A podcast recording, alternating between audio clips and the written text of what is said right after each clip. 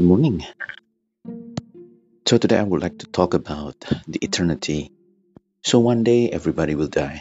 And have you ever thought um, in your mind, by the time you close your eyes in this world and then you open your eyes in eternity, what is the voice that you want to hear right after you open your eyes? We know there are only two possibilities.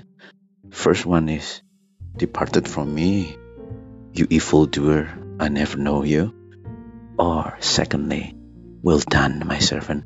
Now join in the eternal joy and happiness of my Father. If happened that you'll hear the second one, you need to realize the word well done, the sentence, good job, you finish well.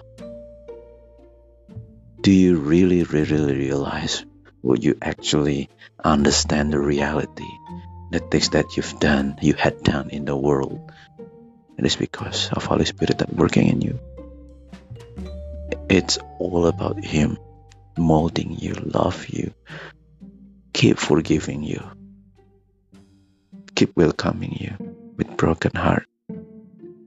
And you also come with Him with broken heart when you committed sin again, again, and again.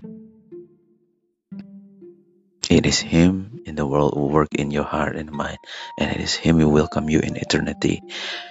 So, which words do you want to hear?